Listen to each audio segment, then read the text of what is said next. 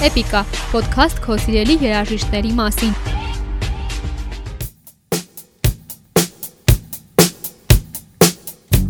Ատելությամբ լի այս աշխարհում պետք է հուսալու խիզախություն ունենանք։ Բարկությամբ լի այս աշխարհում պետք է սփոփելու խիզախություն ունենանք։ Հուսահատությամբ լի այս աշխարհում պետք է երազելու խիզախություն ունենանք։ Ու անվստահությամբ լի այս աշխարհում պետք է իսկապես հավատալու խիզախություն ունենանք։ Սրանք Մայքլ Ջեքսոնի երբևէ ասած ամենատպավորիչ խոսքերից են, որոնք լսելիս լավ մարդ լինելու ցանկություն ես ունենում։ Ֆիզիկական բռնության ենթարկված երեխայից մինչև փոփի արքա Մայքլ Ջեքսոնի հաջողության հասնելու պատմությունը ամենաոգեշնչող պատմություններից մեկն է։ Էպիկայի այս էպիզոդում արի թերթենք հազարավոր էջերից բաղկացած նրա կյանքի ամենատպավորիչ շրջաններից մի քանիսը, որպեսզի եւս մեկ անգամ տեսնենք ինչպես են ծնվում արքաները։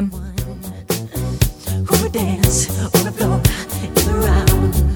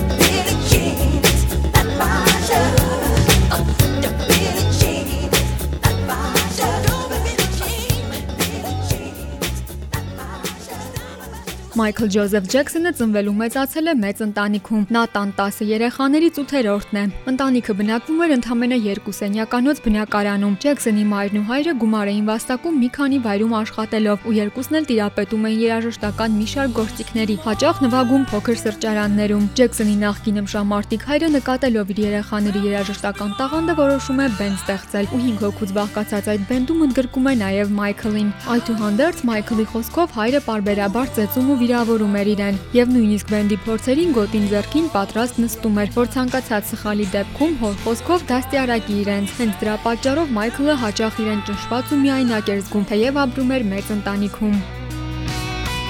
There must be more than meets the eye. Why should it be just a case of black or white? There must be more to life than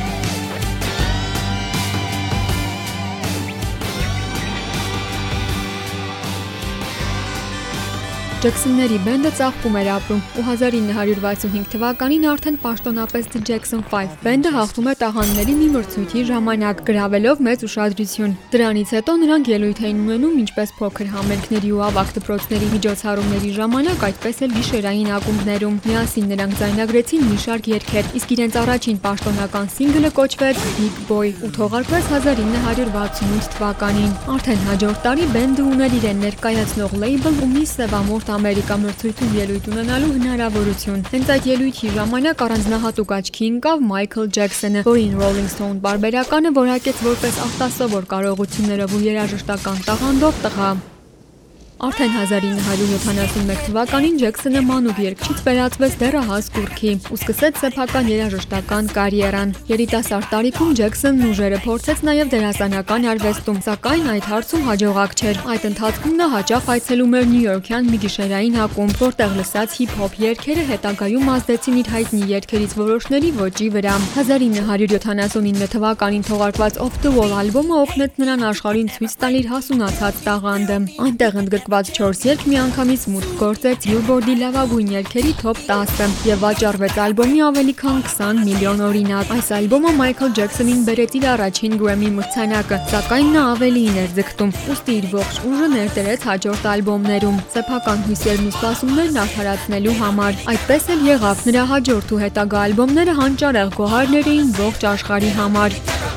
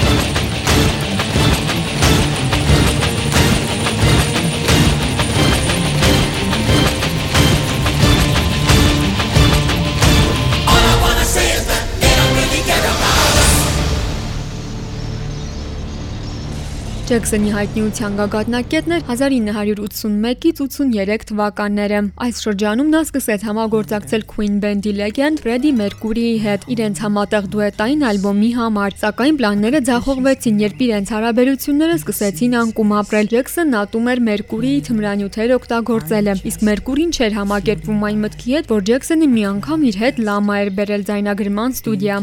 Երբ 1982 թվականին թողարկվեց Մայքլ Ջեքսոնի 6-րդ ալբոմը Thriller-ը, այն դարձավ բոլոր ժամանակների ամենավաճառված ալբոմը ողջ աշխարհում՝ 70 միլիոն օրինակ։ Այստեղ էր ընդգրկված նրա մինչ օրս հիթ համարվող Billie Jean երգը, որը միայն 1 Grammy մրցանակաբաշխության ժամանակ հաղթեց 8 անվանակարգում։ Այս ամենի արդյունքում Ջեքսոնը դարձավ այն ժամանակ ամենաշատ գումար վաստակող արտիստը։ Սկսեցին վաճառվել նրա տեսքով տիկնիկներ, միլիոնավոր շապիկներ ու այլ առարկաներ։ Փոփ արքան նաև նաև դառնում էր բոլոր ժամանակների փոփ այքոնը։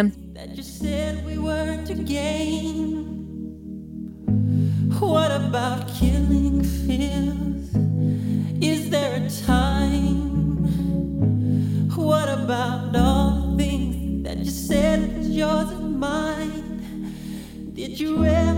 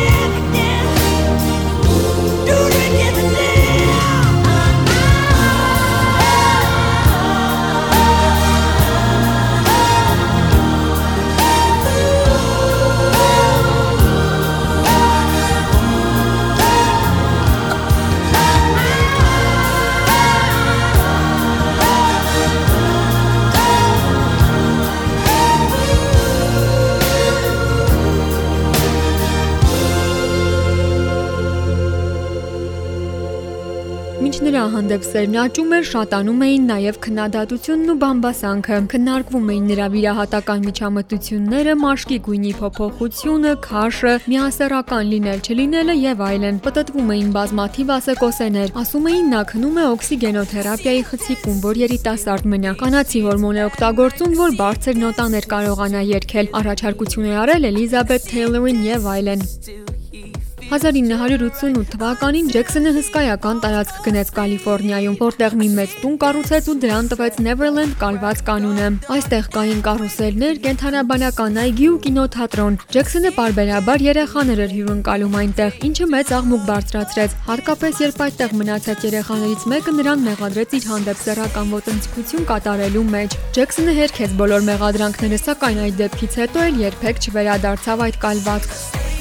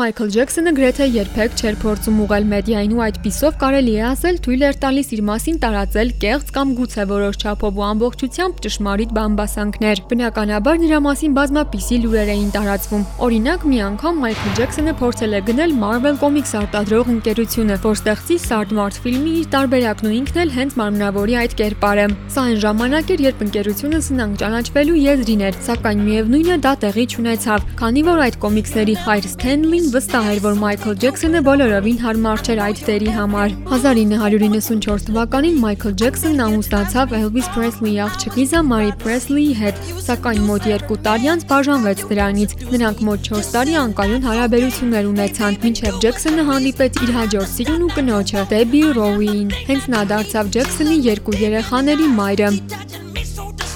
Մայքլ Ջեքսոնի կյանքը կարող էր ավարտվել ԱՄՆ-ում տեղի ունեցած սեպտեմբերի 11-ի ահաբեկչության օրը։ Երկիչը այդ առավոտյան հանդիպում ուներ համաշխարհային առևտրի կենտրոնի շենքում, սակայն քնած էր մնացելու այդպիսով կարողացել է փրկվել այդ ողբերգական դեպքից։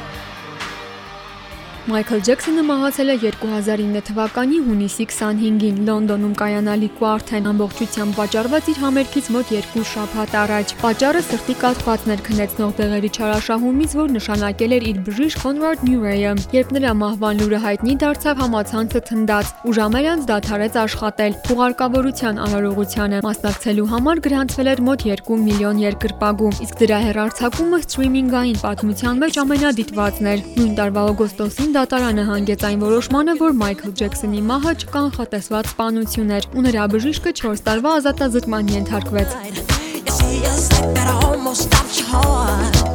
You try to scream,